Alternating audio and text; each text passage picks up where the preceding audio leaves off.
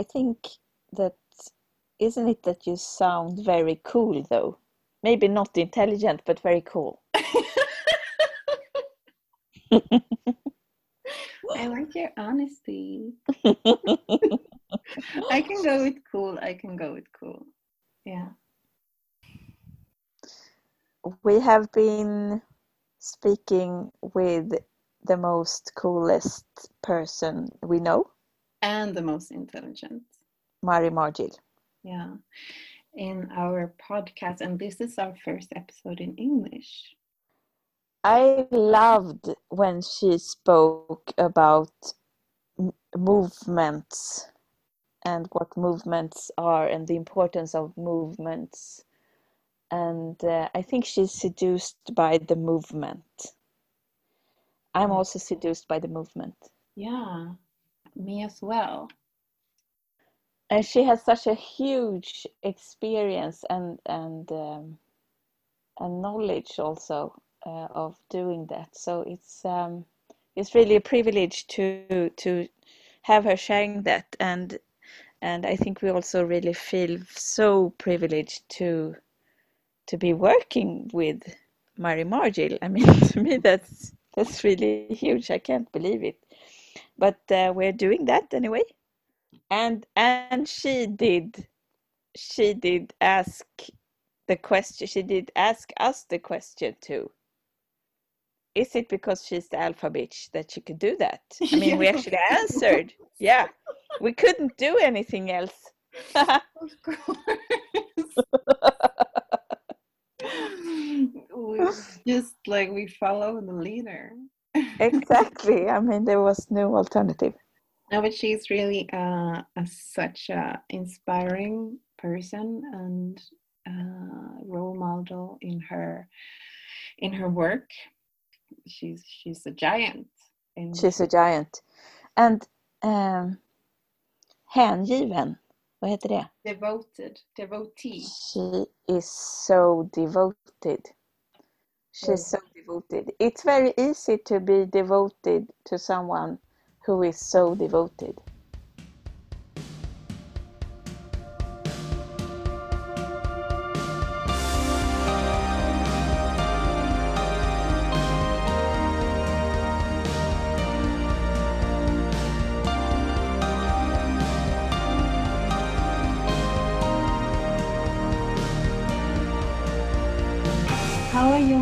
Mari? How is uh, what time is it there? It's 11 in the morning. Oh. Oh, you know, I don't know if you're aware of this, but my country is number one. No, this is new information. Number one in in just in general or something specific? Everything, everything. Mm. We're number one. Oh, I'm so happy to hear that. Congratulations. I know. I know. Thank you. You must We be very are- proud. We are very proud. We're doing everything we can to be number one. Yeah. It's our national pride. And it's difficult to be number one in everything. Oh, yes. We work very hard. I have to tell you, I'm so I'm I'm laughing because otherwise I think I would be crying.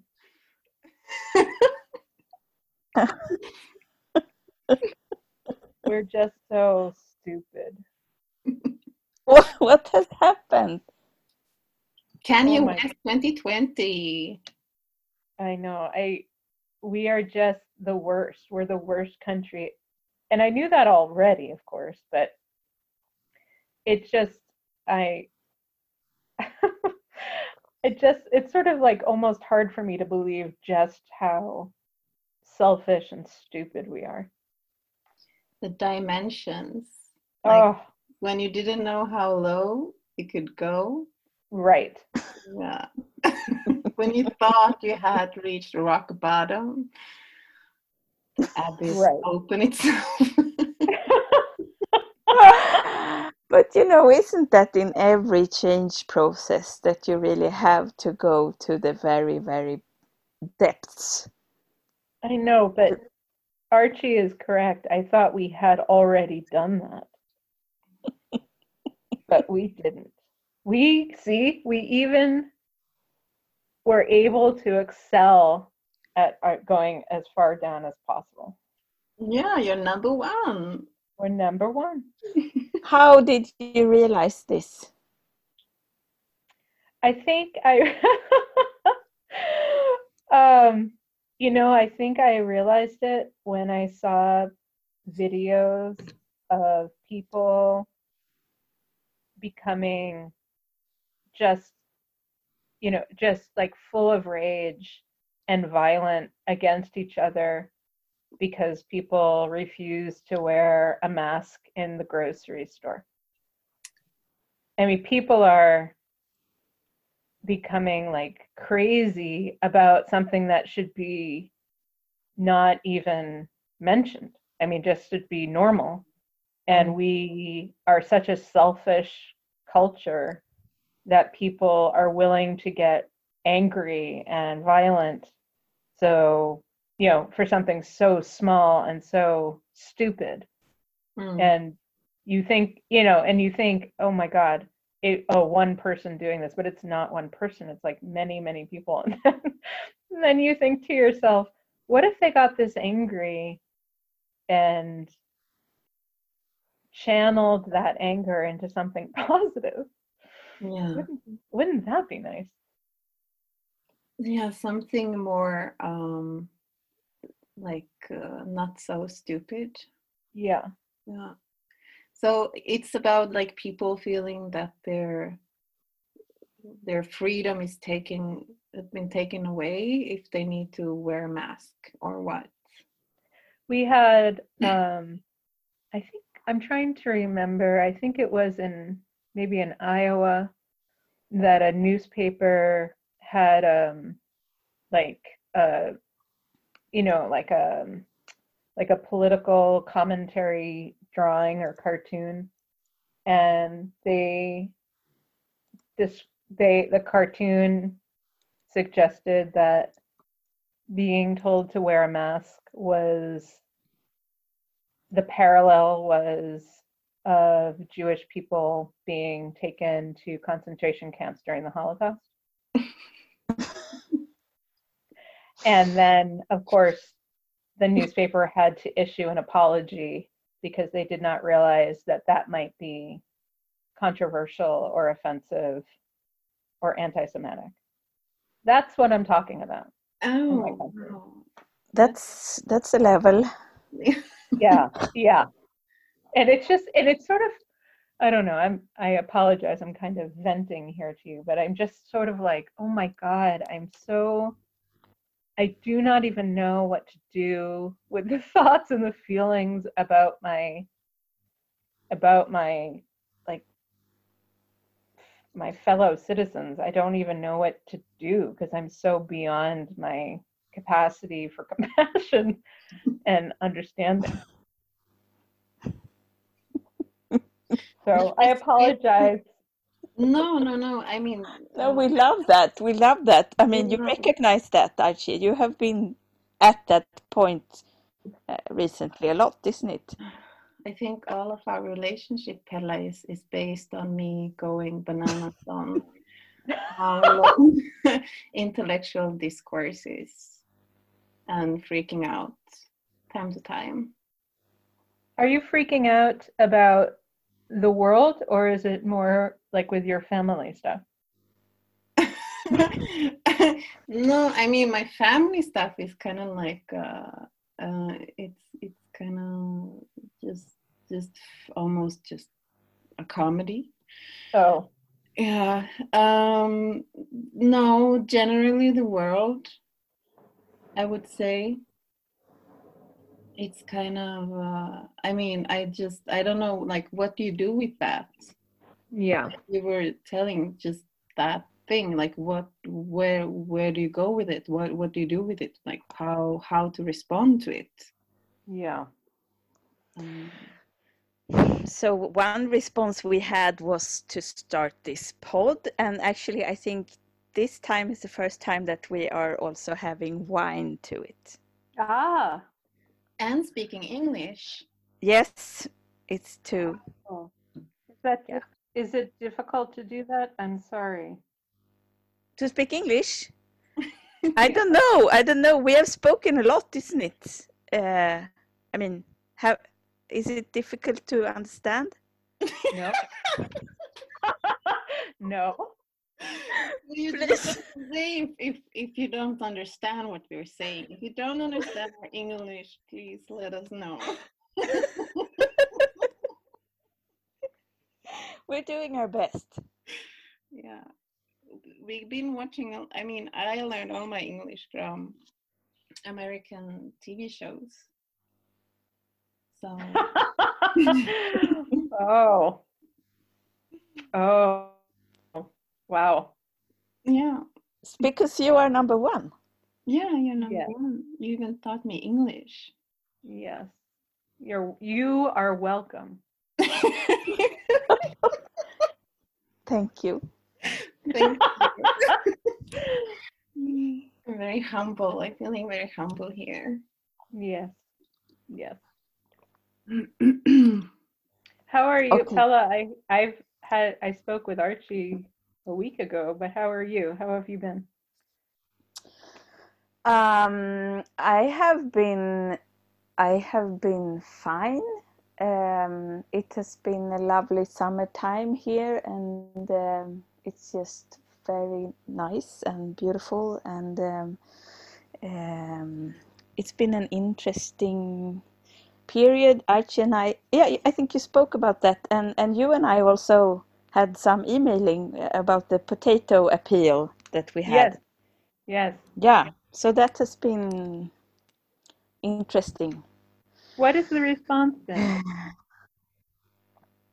Um, so I think maybe this is also part of uh, part of the the pod, but the response okay. I don't know, I don't know where to go, but um, so we had this, you know, when the Corona crisis came, and there suddenly there was a discussion uh, in the media on on um, the fragility uh, of the food system, Yeah, and this is something that we have been wanting to discuss uh, many years. So we we we um, threw ourselves on that discussion and wanted to provide a solution. And then uh, we got a, a very nice response from from people who got very happy and engaged and started planting potatoes and showing how they planted potatoes and showed a lot of interest in how do you how do you grow your own food and how do you work for food resilience in a more systematic way but but the, the societal discussion largely died actually Mm. i thought it would be bigger but it didn't it didn't uh, continue um, so we are working on it because we think that the the problem will not go away um, so we want to see how we can be more prepared for next time Right. Okay. Do you think it's that people did felt and did not feel urgency after several weeks or a month or or more or did they feel that it was not a problem anymore or did they just get tired of the whole thing? I think um, the people who have already seen the problem, they um, they wanted to be part of the appeal, so they wanted to start talking about about this. But uh, and and some more people understood that there is a problem, but society didn't understand the problem. Okay. Okay. So the, the the discussion wasn't as as broad as we thought it would have been. Okay. Um, yeah. So it's still kind of the the transition people and maybe and and the trans the, the crowd of transition people definitely grew, but it's still a small crowd. Uh, did you manage to delete some files? Yes, I did. I told you in the chat. Oh, sorry. Um, I haven't checked. Don't chat. worry. Don't worry. Um, okay, so um, like then we should just start. Um, very much welcome to our podcast, Mari Margil, our first one in English. Thank you for having me. I'm so happy that you're here with us. And um, so we wanted to talk with you because, like, you're maybe the coolest person alive on this planet. And um, um, it's just amazing to have the opportunity to speak with somebody like you. Um, and um, uh, I, I have to ask you something now, Arci. Sorry. Am I now the, the beta bitch? uh, and what does that make me? If Mari is alpha and you're beta, then I'm just a random loser.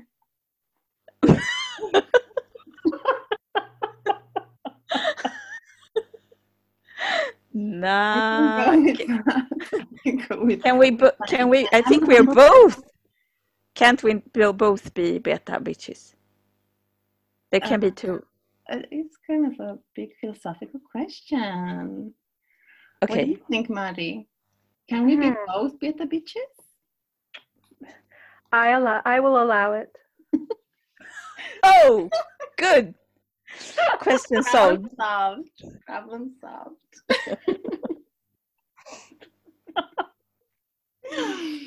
um. Anyway, uh, well, we ha- now we have settled that. Um. So, Mari, you are joining us from the United States, actually, and uh, maybe you would like to give us like a brief introduction on who you are and what you're doing and where you're at, and we just take it from there. Thank you. Thank you, Arci and Pella. It is very good to join you on your podcast. I work at the Center for Democratic and Environmental Rights, and I focus on advancing legal rights of nature or legal rights of the natural world. Um, I've had the pleasure of traveling to Sweden two times now from the United States to meet with the two of you, as well as your partners and colleagues and other organizations in Sweden who are working to protect nature, including the rights of nature. And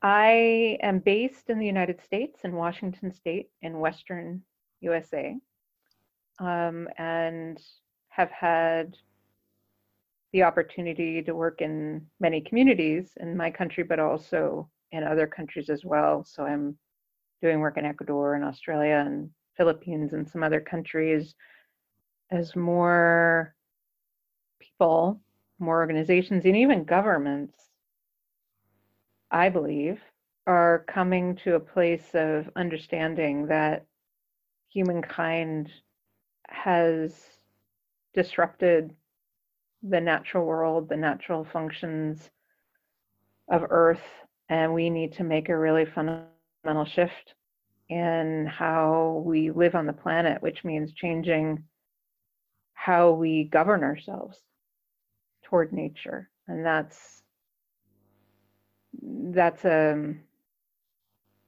I think something that's extremely timely um, and necessary. And the work that the two of you do um, is directly involved with that. Um, so I really appreciate that. And I appreciate the opportunity to talk with you guys more. I wish I could see you in person right now, but that's going to have to wait a little while. Yeah, well, we are planning to that you will move to Sweden, right? Any day. Any day. I would love that.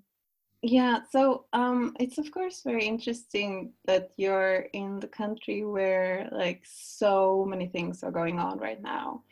Um, and we just wanted to like just before we go into talking more uh, deeply about rights of nature and um, those things that we have in common, it would be just nice to hear like uh, how is it over there? Like what's going on? It seems so. I mean, uh, you mentioned that you already thought uh, that you had reached the low points, but it seemed that the abyss is far more deeper, uh, and it really seems that things are not working so well over there.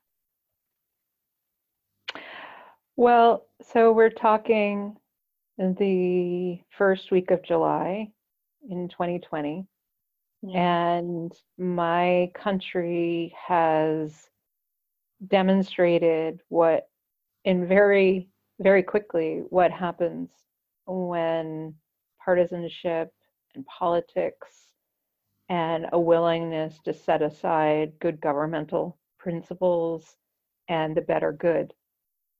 And of course, I mean the pandemic with mm-hmm. coronavirus, but and you know we're number one in in infections and it's only getting worse and we're number one in deaths and it's only getting worse and it's a tragedy that is so preventable but there's a political unwillingness by many many in leadership positions to do the right thing. And that has cost lives and it will cost more lives. And so you see this unraveling of many systems um, and people are suffering. Mm. and at the same time of course you have um, the killing of george floyd uh, an african american man um, in minneapolis about a month or so ago now um, and it has proven a flashpoint in which people who have been organizing and mobilizing for rights and freedoms, civil rights, right to um, be treated equally before the law, our right to have systemic racism finally eliminated from our policing, but also our laws and our governance. It's been a very um, big mobilizing movement building time. Hmm. Um, of course, during June and when I was marching in my own city during um, the last several weeks, it's been, you know, it's incredibly moving and it's incredibly heartfelt and it's incredibly tragic that, you know, more than 50 years after the you know the, six, the civil rights movement of the 1950s and 60s which accomplished a great deal but we're still two generations later and still having these fights and this is not new.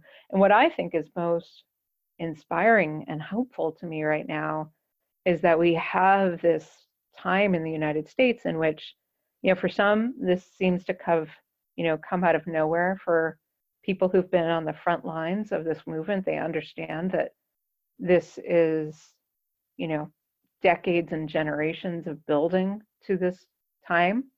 Um, and either way, I actually take great hope that we're in this great time of disruption because of the pandemic and because of the unemployment and because of the very harsh light that this virus has shown on our country's governance and our laws and how we treat people that I actually believe this can be a time of really great change but I, and I think it's incredible uh, what's been happening.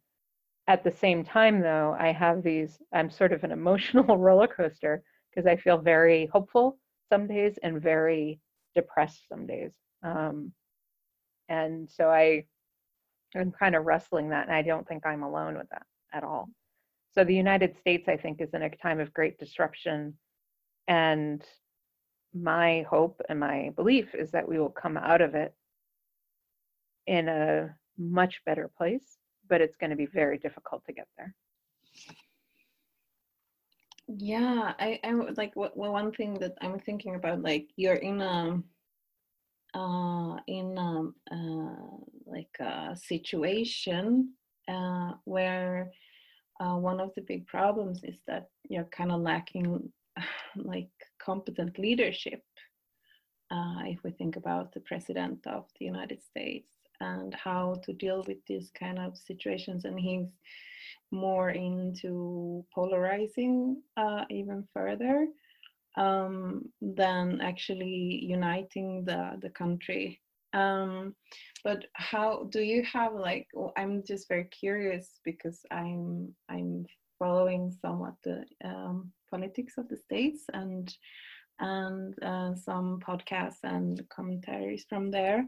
And i'm just a little bit curious like do you see like who like do you have someone that you feel um, or uh, or it could be a number of people of course but like who are um, who you see like uh, when you're speaking about hope like uh, who can uh, take this sort of leadership in these times and who who would that be?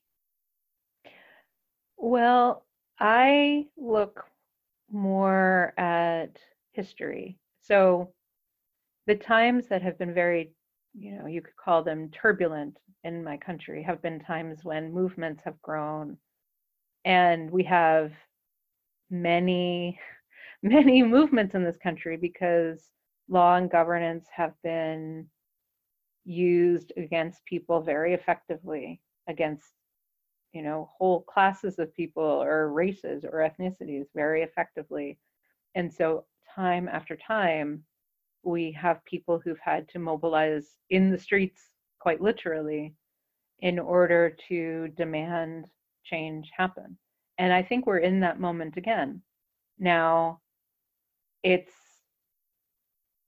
and so I look at it and I think the more people that are in the streets, the more likely change will happen. And so it's not, I don't, I guess what I'm trying to say is I'm not looking so much at individuals who will rise to leadership, which will certainly happen as a result of this moment um, and this movement gaining the kind of um, power that it is. But I think to me, it's we are seeing a real time building of movement, which my country has a tendency to forget that historical understanding about how really fundamental social change happens. So we have movements constantly. So in like for instance, you know, in the 1980s in the United States when AIDS was becoming revealed and people were dying by the thousands. And the gay rights movement had a really important moment and it's a long moment it's it's lasted decades of course but that proved that time of disruption and tragedy proved a very important time for movement building um, and change and we're in the same moment now in, in many ways um, for people of color with the tragedy that has unfolded with police killings of African American people, that tragedy has led to movement building. And it's much like other movements throughout history in which we've seen that have to happen in order for change to occur, for people to understand just how oppressive government was and racism was and othering is um, and I think we're in that moment again. And to me, eh, that's really important because that's how change will occur first. But secondly, eh, we in some ways have to keep learning this lesson over and over again mm-hmm. about how change occurs and why we have to join together in solidarity to make change. Because I think always we need to under, have that understanding, but in particular now as we look to the future with the climate and with the, and with the environment in such dire straits that we're going to need, you know, basically that people's movement for nature um, that is in the climate. Eh, that mobilization is going to have to happen in my country and and and other countries. And I think what's happening with the movement right now um, for people of color in my country, and I know has spread to others, I think, I hope that the change that will come from that to address systemic racism and murder of people in the streets, that the lessons of that, the parallels that we will be able to draw as well and learn from to apply to protecting the environment for everybody. I'm hopeful that that will occur too, because it's a real time movement that we can understand how do we make this change and we know how do we make this change because we're marching for that change to address um, repression and oppression of people right now. Um, and those lessons, I think, cross over into other movements um, very readily. I think that's very interesting because, like, um, what I've been listening to is is that many people who who uh, from like you could say from the leftist side who have some kind of critique critique against um, Black Lives Matter, the Black Lives Matter movement. Um, they talk about um, that the racial discourse is not really deep enough um, and that the issues that we are facing are like in Sweden, we don't have the same history as you do in the US, but um, I mean, we also obviously have racism here as well. Um, but the, the, issues that we we are facing, they go actually like it, it's beyond race, and that it's it's a problem when we tend to uh, focus only on um, only on the race issue, um, but instead of actually addressing injustices that are between like the very very wealthy people and the rest of us uh, and the system itself. Um, what's your thoughts about that? I do agree with you um, that this is not just about racism um, at all. You're quite right. I mean, it has to do with racism, absolutely, because it exists and it's very blatant, it's very clear. And that's connected to the powerful, that is, the wealthy over the not wealthy. So it's a class issue. Mm-hmm. Um, all of that is embedded, and there you can pull them apart, which of course, has been very much a focus in terms of focusing on racism at this current moment, but it's directly connected um, to poverty um, and class. And, you know, when you look at the history of the civil rights movement, you know, Martin Luther King, of course, as such a key leader, he often spoke about class and the need to talk about um, providing economic rights and freedoms uh, so that it wasn't it wasn't enough um, for African Americans to have desegregated lunch counters um, and public venues and the Voting Rights Act of 1965. Um, those weren't enough. That systemic racism is integrally linked with systemic economic oppression. I mean, those two things went hand in hand. Um, and that, of course, is the same today. And you just look at in the United States, you look at the demographics and, and who has power and wealth.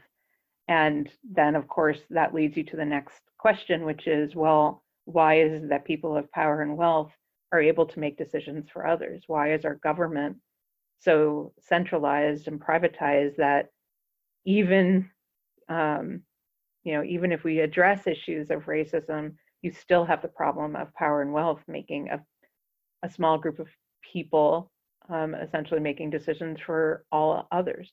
That needs to change which means we have to really address the basic democratic principles um, of the united states and of other countries.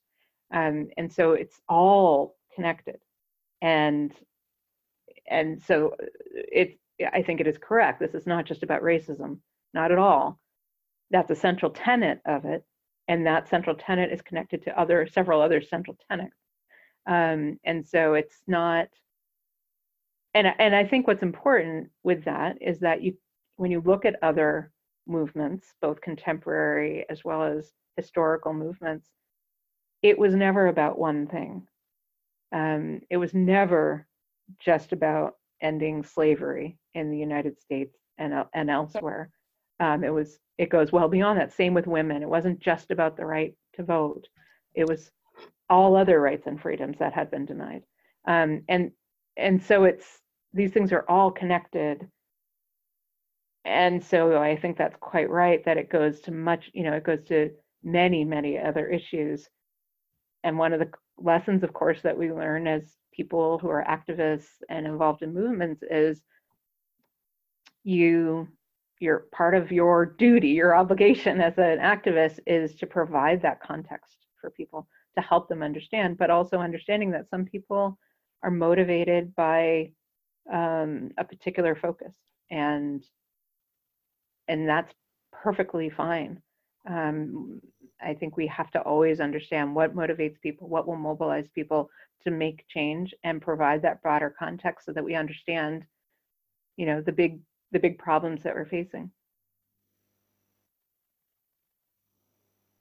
And your motivation is the protection of ecosystems and acknowledging the rights of nature. That's part so of it. So how does yeah. But how Sorry, does it tie into to this whole complex of, of oppressions? It's all it's all connected. Um, so I, I am very motivated um, by the need to protect nature, but nature, eh, you know, the essentially the oppression of nature, if we want to call it that, which is we have used law and we've used governance to you know to use nature um, to abuse nature to destroy nature.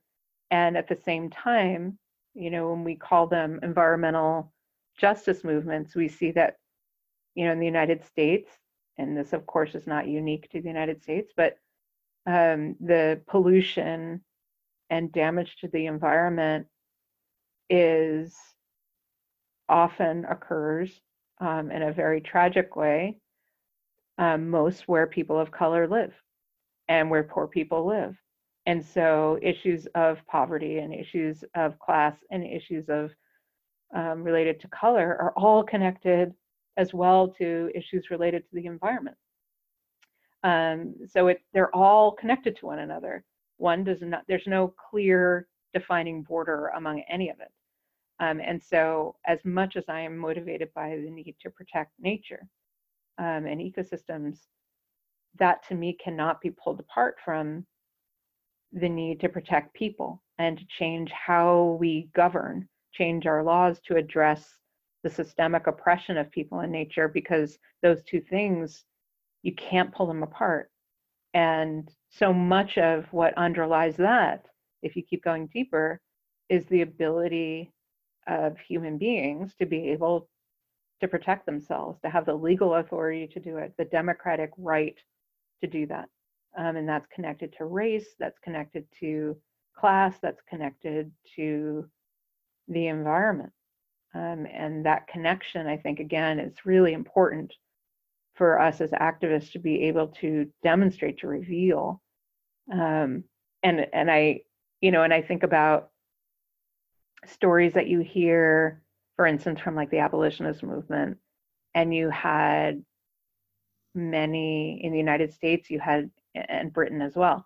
You had people who were advocating for the end of slavery who also, you know, wanted to focus on rights of women. So you had suffragettes who were deeply involved in the abolitionist movement and wanted the movement for abolition of slavery to focus on ending the tyranny against women as well and combining those things. But you know, a decision was made essentially within the movement that the focus needed to be on abolition of slavery.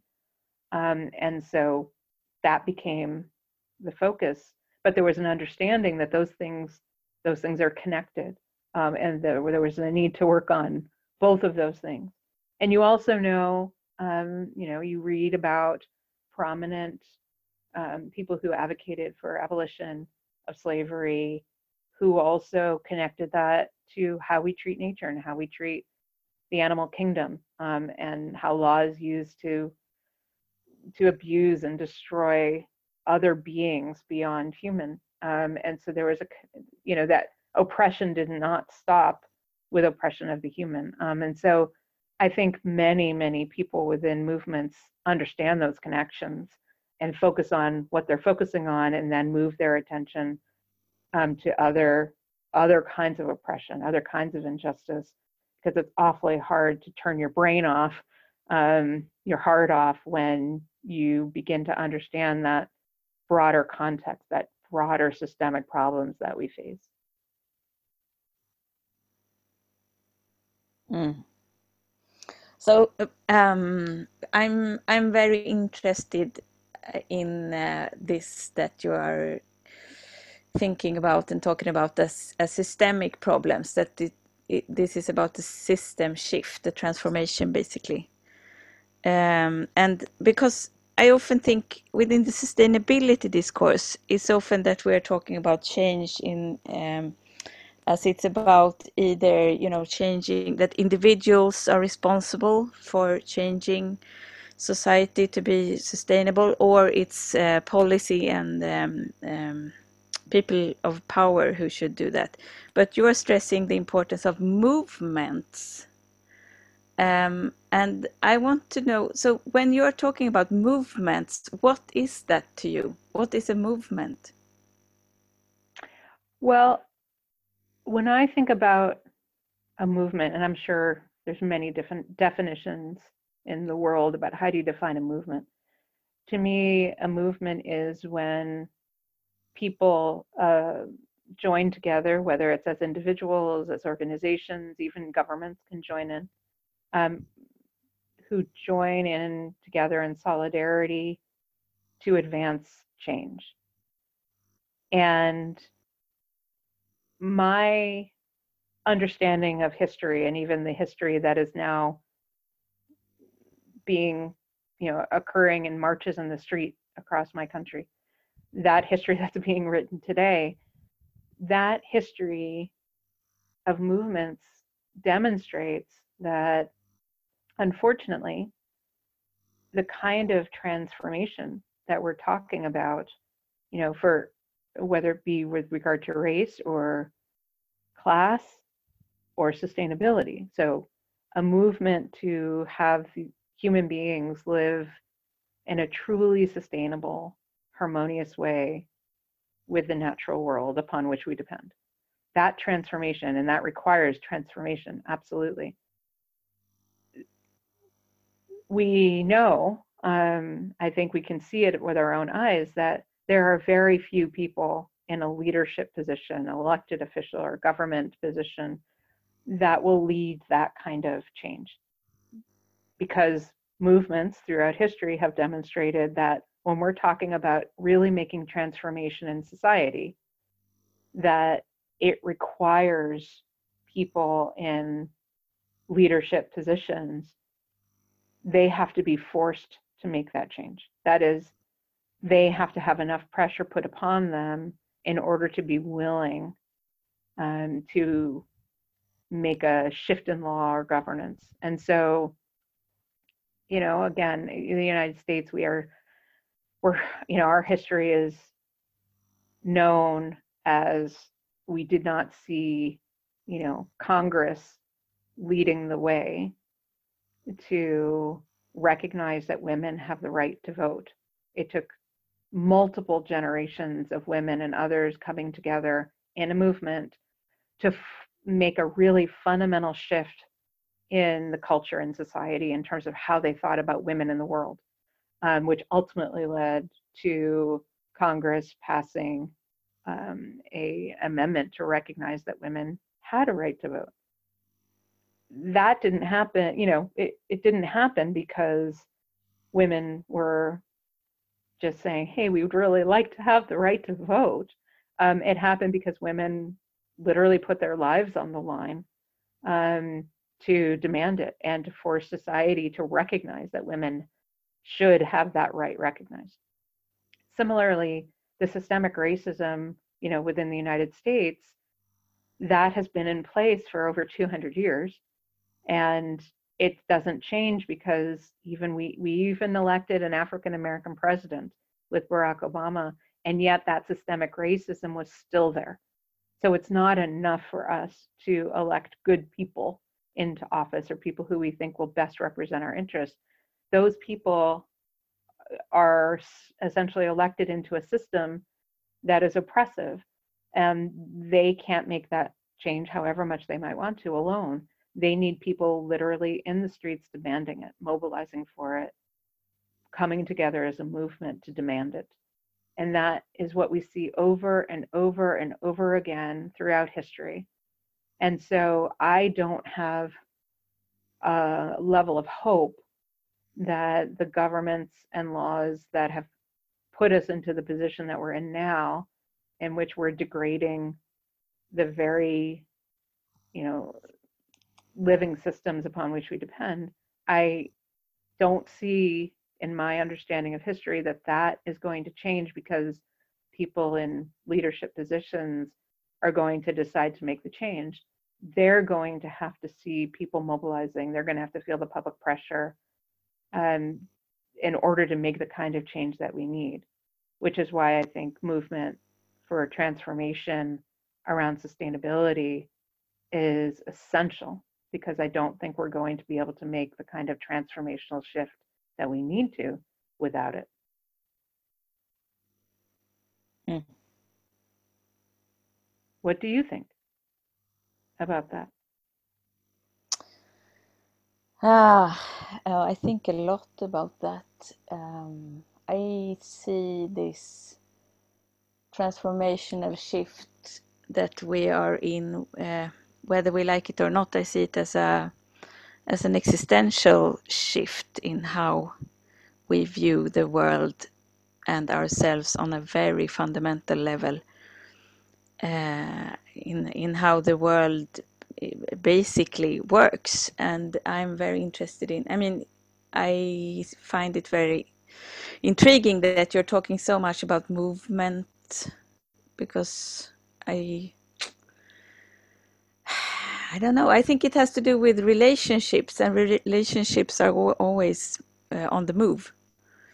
Uh, and and that kind of breaks with the newtonian way of viewing the world as built up by particles and objects.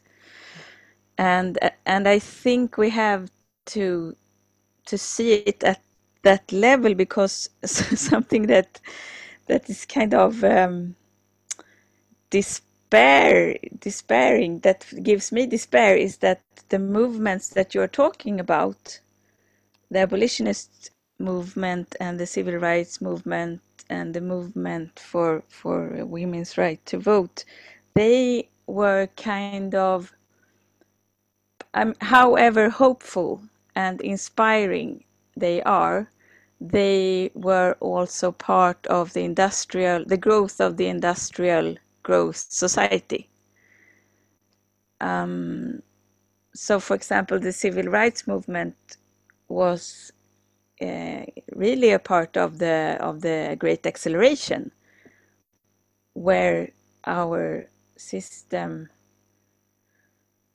uh, built up itself on on the fossil fuel energy that we now have to leave. So i think that the rights of nature movement is um, uh, it's it's a fundamentally deeper shift uh, that's needed than the ones we've seen before. I think that's really interesting. And I, well, one thing that you just said I think is really important, particularly, is the focus on relationships. I think at the center of any movement, you see these very deep relationships that develop at the beginning and, and during the course of a movement. Um, and I think we're certainly seeing that in different aspects of the mm, Black Lives Matter movement in the United States, if we want to call it that. Um, I think those relationships are critically important. Movements of people come together out of trust um, and shared understanding um, and a willingness, essentially, to literally and figuratively join hands, to lock arms together. And so I think that relationship building is really, really important. Um, and occurs individual to individual as well as organization to organization. Uh, and I, and I, it's not an easy thing um, to build those relationships and to continue those relationships, particularly in those very difficult and dark days that every movement will go through and disagreement about strategy and all of those things. Um, so I agree with you absolutely that I think relationships are for purposes of the movement, you know, what I would call a new people's movement for nature. Relationships and relationship building are essential. That it will not be successful without really important relationships being built. And then the second piece of what you just said about this going deeper, I think that what's so intriguing to me about movement for human beings protecting nature is that every single human being has a stake in it where which is every single human being should have a stake in the movement that we're in now and every single human being should have a stake in the movement for women's rights. But of course that has not ever been never happened that people often movements seem like other people are needing to.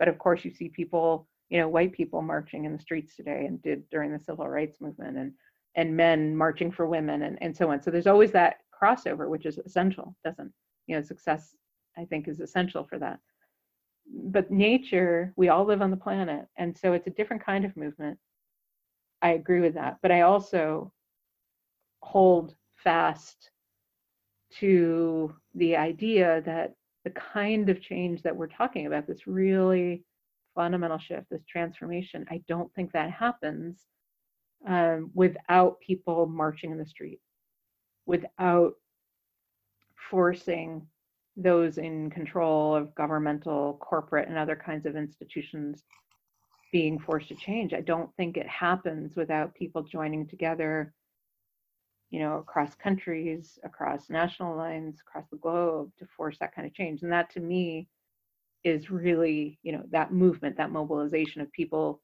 in the streets and, and other places joining together to, to demand that change and make it such that the institution of governance and law find themselves in an in a position where if they don't make change, that they're no longer going to be in the positions that they're in.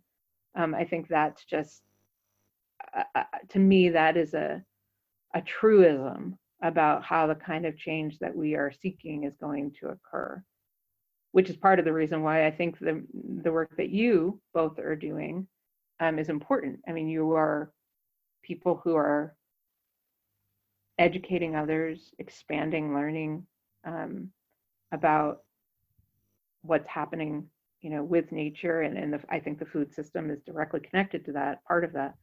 But helping people to understand how the system works and why it works that way and the kind of change that's needed. I mean you're doing that basic groundwork grassroots kind of movement building and that is essential to make the kind of transformational change that i i think is necessary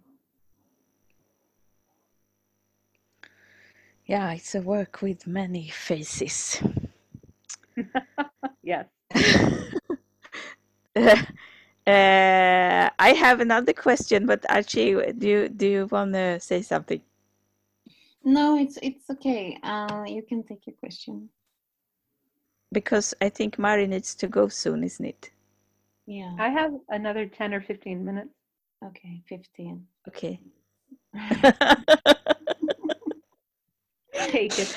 Um, okay, so um, we met last time we met was in Quito. Yes.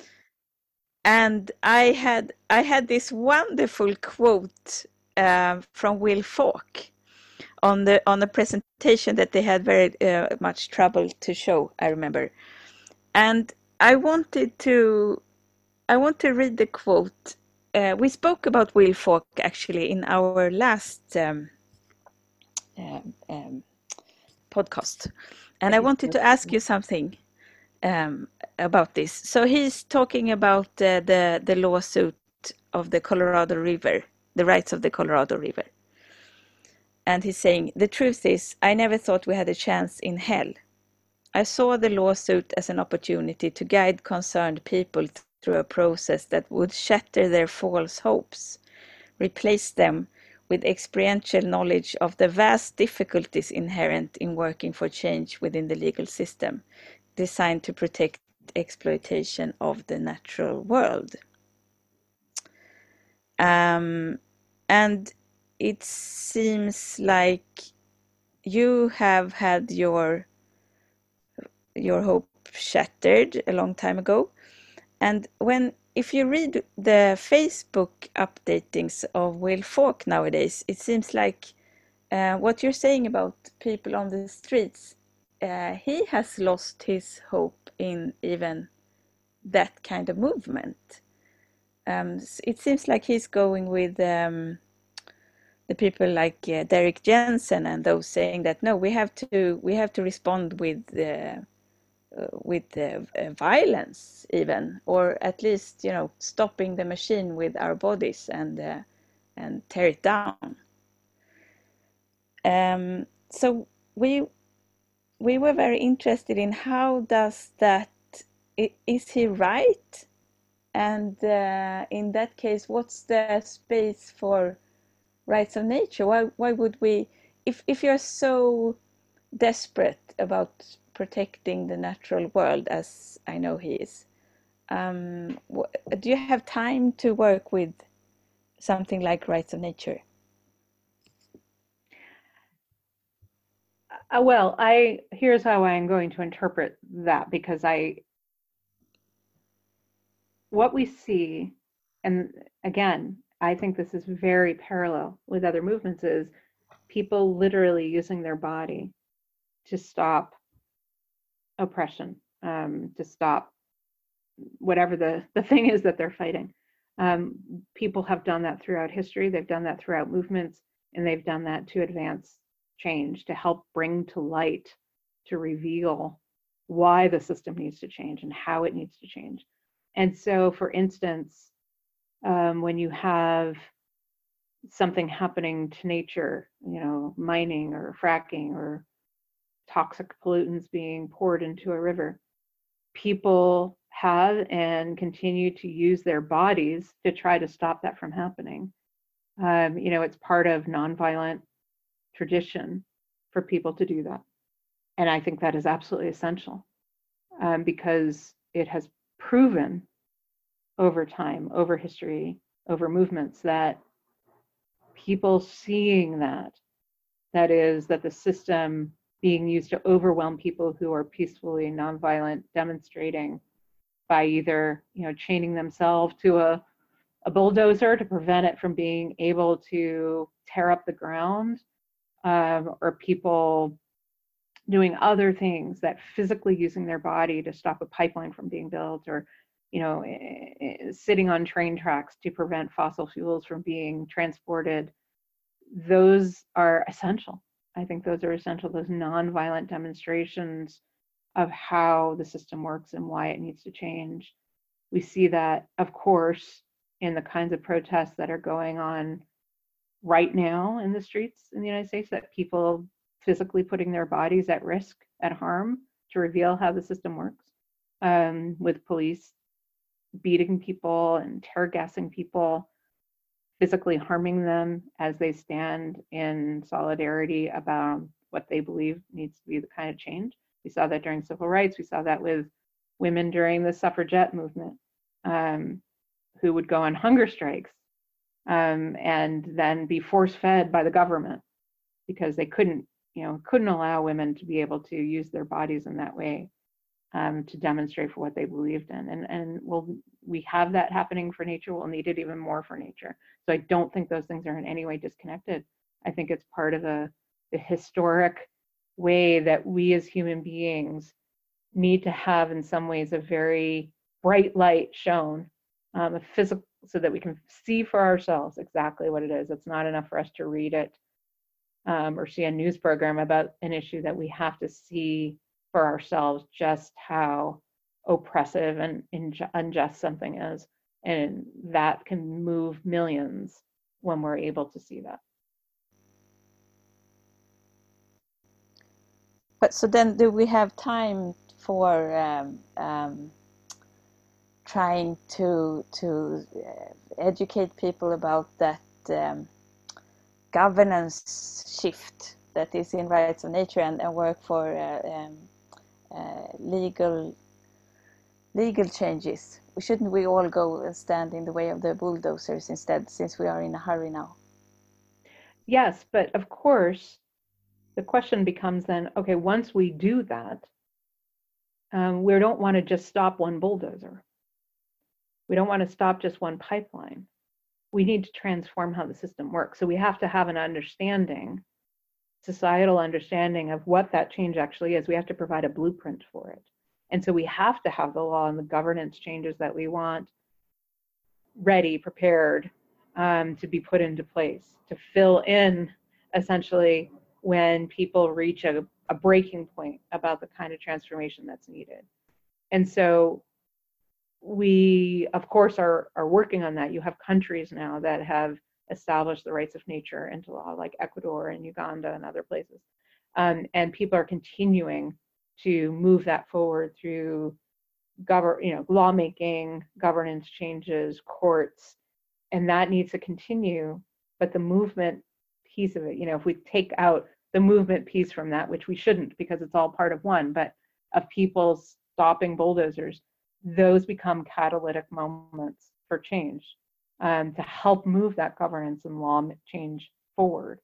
So I don't think it's about breaking apart one from the other. It's about understanding that it's when we talk about kind of nonviolent direct action, if it's not connected to law and policy change, then all we're doing is stopping that bad thing from happening, which is not, which of course is a good. We we want to stop the bad thing from happening, but when we're talking about systemic change, we can't stand in front of every bulldozer everywhere on the planet.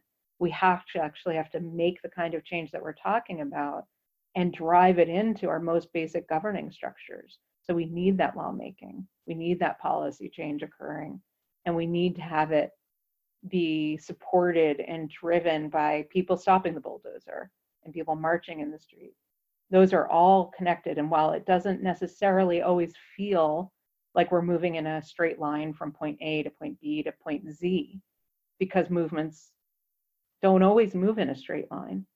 Um, and so we have to be doing these things simultaneously, understanding that one directly connects to the other. And so one of the criticisms, of course, that has occurred for direct action, um, nonviolent action in the past has been that it can be disconnected from the policy or legal outcome that that you think is needed or wanted um, and so it becomes you know acting in some ways like in a vacuum you're you're you might be stopping something um, but are you actually then using that opportunity that you've created to transform the basic systems of governance and law? That it needs to be directly connected so that your actions, your direct actions, your nonviolent, which is so difficult to do. It's so difficult for people to get into the streets, to chain themselves to a bulldozer, whatever that action is. It's so difficult to create that, to have that happen. That once you do, you need to be able to use that energy, that moment to be able to drive the kind of change into law and governance that you need. Um, and so those things are not disconnected from one another, they are very connected. They need to be connected um, because creating these moments, these transformational moments, is so rare and so difficult um, that if we're not prepared and ready to take that kind of change and move it forward, then we lose the very opportunity that we work so hard to create. Mm. Moments of movement. Uh, and we haven't even spoken about trans rationality, Arci. I was just thinking about that. Yeah. Yeah. Oh, and you have to go now, Mari? Um, I was just thinking about like um, how um, like uh, I think what we are also seeing is is like the the end of of uh, or the limits of of rationality. Um, that like we really like when you were speaking about like how to create change and um, that it all boils down to like relationships and relationships are really not in essence anything in in their nature uh, not rational they're like trans rational uh, and i think like one way of of how i find hope in these times is to take my refuge to that uh, change happens beyond rational thought beyond what we can like think uh, ourselves to. And um, yeah i i was just uh, preoccupied by when when you were speaking about like how like we we tend to wanting to see like like going from point a to point b to point c but actually like uh, movements in themselves are uh, i mean you cannot design it really in that sense because life is uh, is, is, a living process and and anything can really happen and also i'm thinking about like relationship to nature we cannot relate to nature or of course we can in one way relate to it with a rational mind but it takes us just not far enough.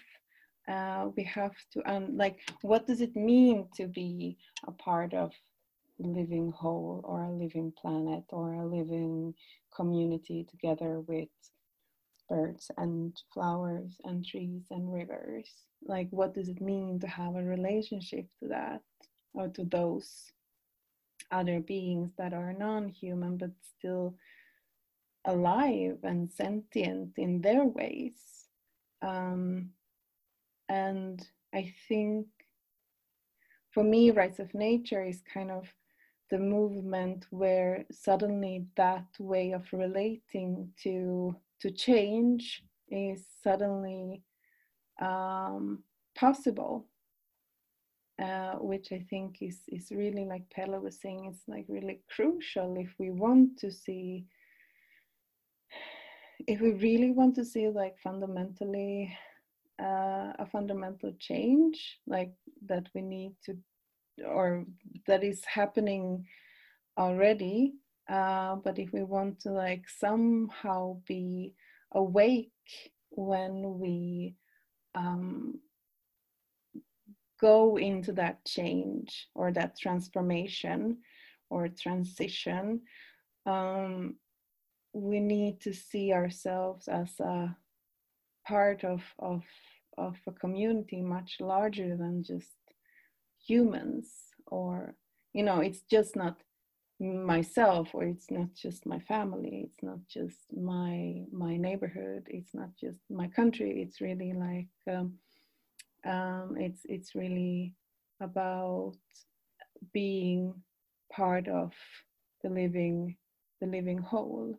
And at the at the same time it's like a very very local thing no like with the potato appeal it's really about like putting potatoes into your own backyard and having relationship to to yeah like how does how how how to relate to nature as as someone who is providing me with what I need in order to survive, and how can I be uh, a healthy part of that relationship.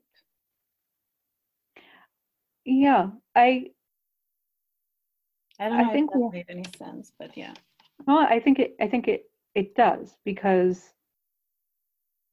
you know during the early earlier days of the gay rights movement in the United States, one of the members of the city council in San Francisco during the 1970s, Harvey Milk, who ended up being killed really for his activism, but one of the things that he said to the people in the gay rights movement in his city was you know in order for people to support the rights of gay people that they have to have a relationship with a gay person. So just what you're saying arci. So for he would he advocated um, for people for gay people to get to know non-gay people meaning that they it in order for gay people to make the kind of change that they knew that they needed for rights for freedoms for protection that they had to make other human beings understand um, that gay people were their neighbors their teachers their friends you know and, and make just humanize them. Um, and that i think went a great great distance um, and shifting how people thought about gay people because they they had a relationship with them and they may not even even have known that. Um, and it just humanized them turned them from this other into something that they cared about loved and so on. And so i think your point i think is very well taken. I think that has also been a really important part of movements is helping people to build a relationship with that thing you know a human being or um, an ecosystem that has been oppressed and has been harmed because of the systemic injustice um, within law and governance. And so, to your point about nature and building a relationship with nature, of course, that's much, much easier for some people than it is for others. You know, some people live around a lot of the living world, but many, many people do not um, and live in, you know, urban environments, live in cities that are you know you just don't have an opportunity to see a river or even a bird necessarily. And so the question becomes for activists for those of us advocating for changes how do we help them how that relationship build? Because i think it's absolutely essential. I think what you're saying is really important. And so one of the ways that we do that i think is to help people gain a level of awareness about even if they don't have a tree that they can see every day or you know they don't get to see a river or, or, even green grass that they still have a relationship with nature. And that relationship may feel disconnected but it's as simple as them being able to drink clean water or breathe clean air.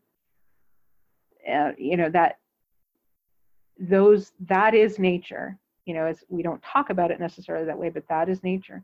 And so having people being able to understand that connection um, between the water coming out of their sink um, and the protection of nature that that is their relationship. And that hopefully is enough.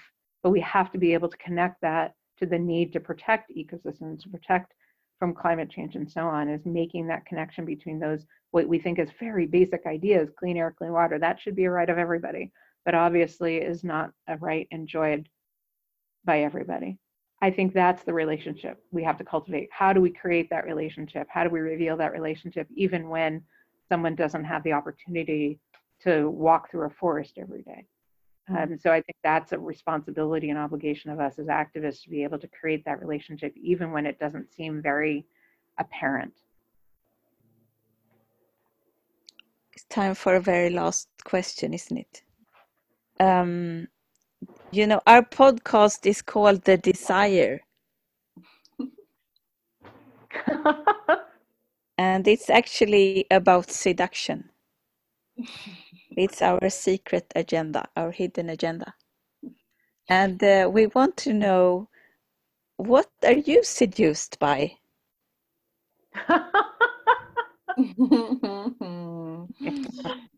oh.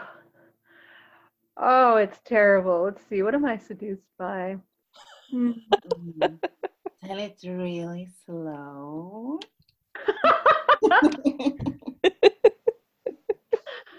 oh, Sorry. uh, Microphone.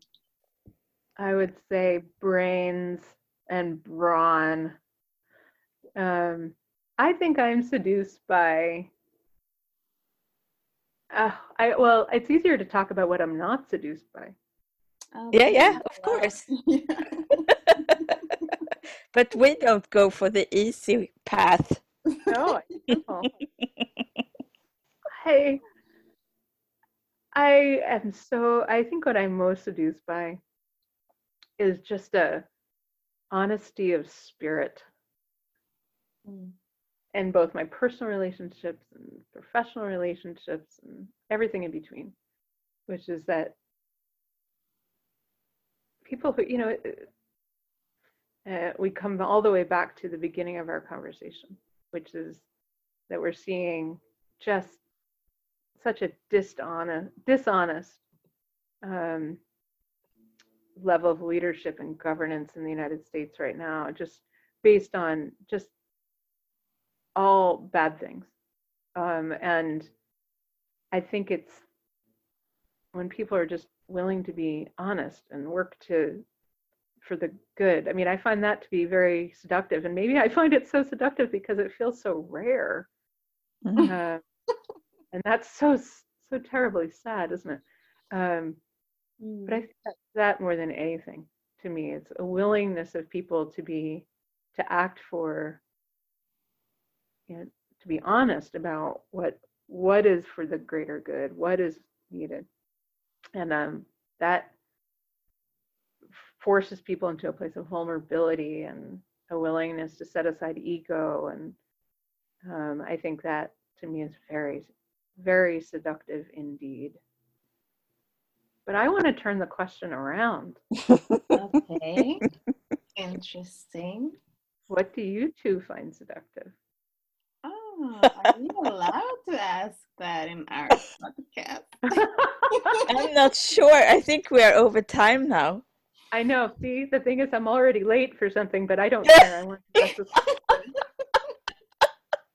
I mean, that's that's very seductive.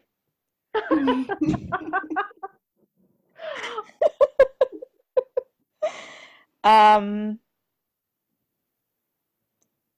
you go first, okay, I'm. I I, uh, I think I can uh, answer for both of us um, uh, to say that we are seduced by you and Mhm. being in the same movement as as I mean being being led by you actually, Mari, and uh, I really resonate with what you said that you are seduced by. I'm also seduced by by nature, by being in in that sensory experience um, Mhm. of the water and the wind and the flowers and yeah i mean i, I Mhm. think the world is i'm kind of uh, increasingly experiencing how seductive this world is The natural world.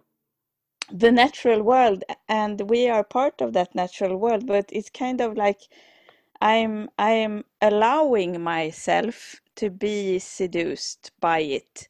And as you said that's also being i mean part of that is being uh, allowing myself to be vulnerable. Hmm Yes. what are you seduced by arci? Um, I think I'm kind of easily.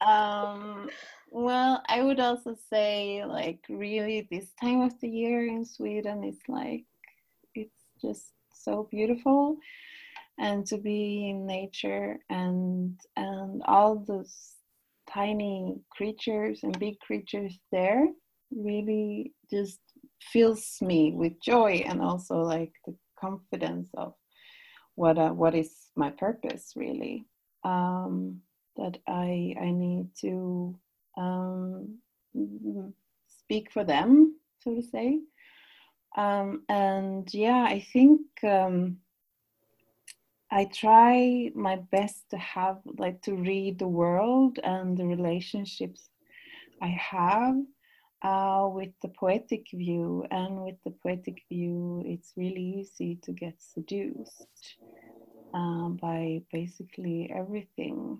Well, not everything, but you know, one one can try. Um, You have a romantic spirit. I do. I think I I'm, I feel very close connection to Oscar Wilde, for example.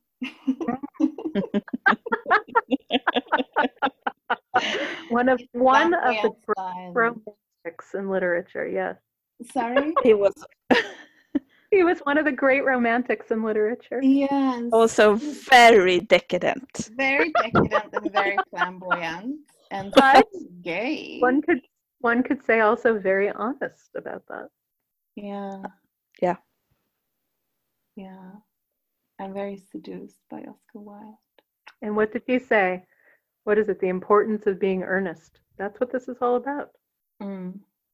Mm.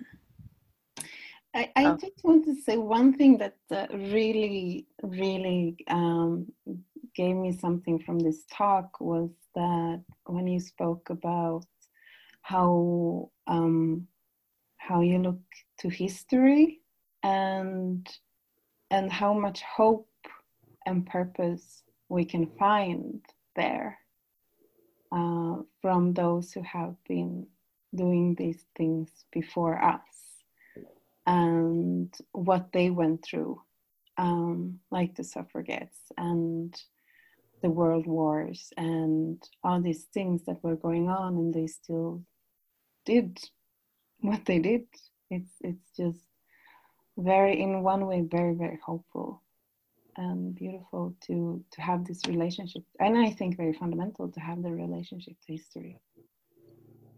Mm. Yeah, that's where we are going next, possibly, Arci. Yeah. But sadly in Swedish. Um, But you have your book. How is your Swedish going? Not very well. But I enjoy reading it and trying to see to gain something and to see patterns so I can start to understand a little bit. we can't wait. Next episode we will do with you will be in Swedish then. okay, put me in your calendar for 5 years from next year. Okay, will do. Time flies. Thank you so much. Thank you. Oh, you're the best. I really enjoy speaking to you and being and being as even though I am not next to you, I do feel arm in arm with you in this movie. Yeah, I mean that's um, uh, that's very big for me. I'm by at your feet mainly.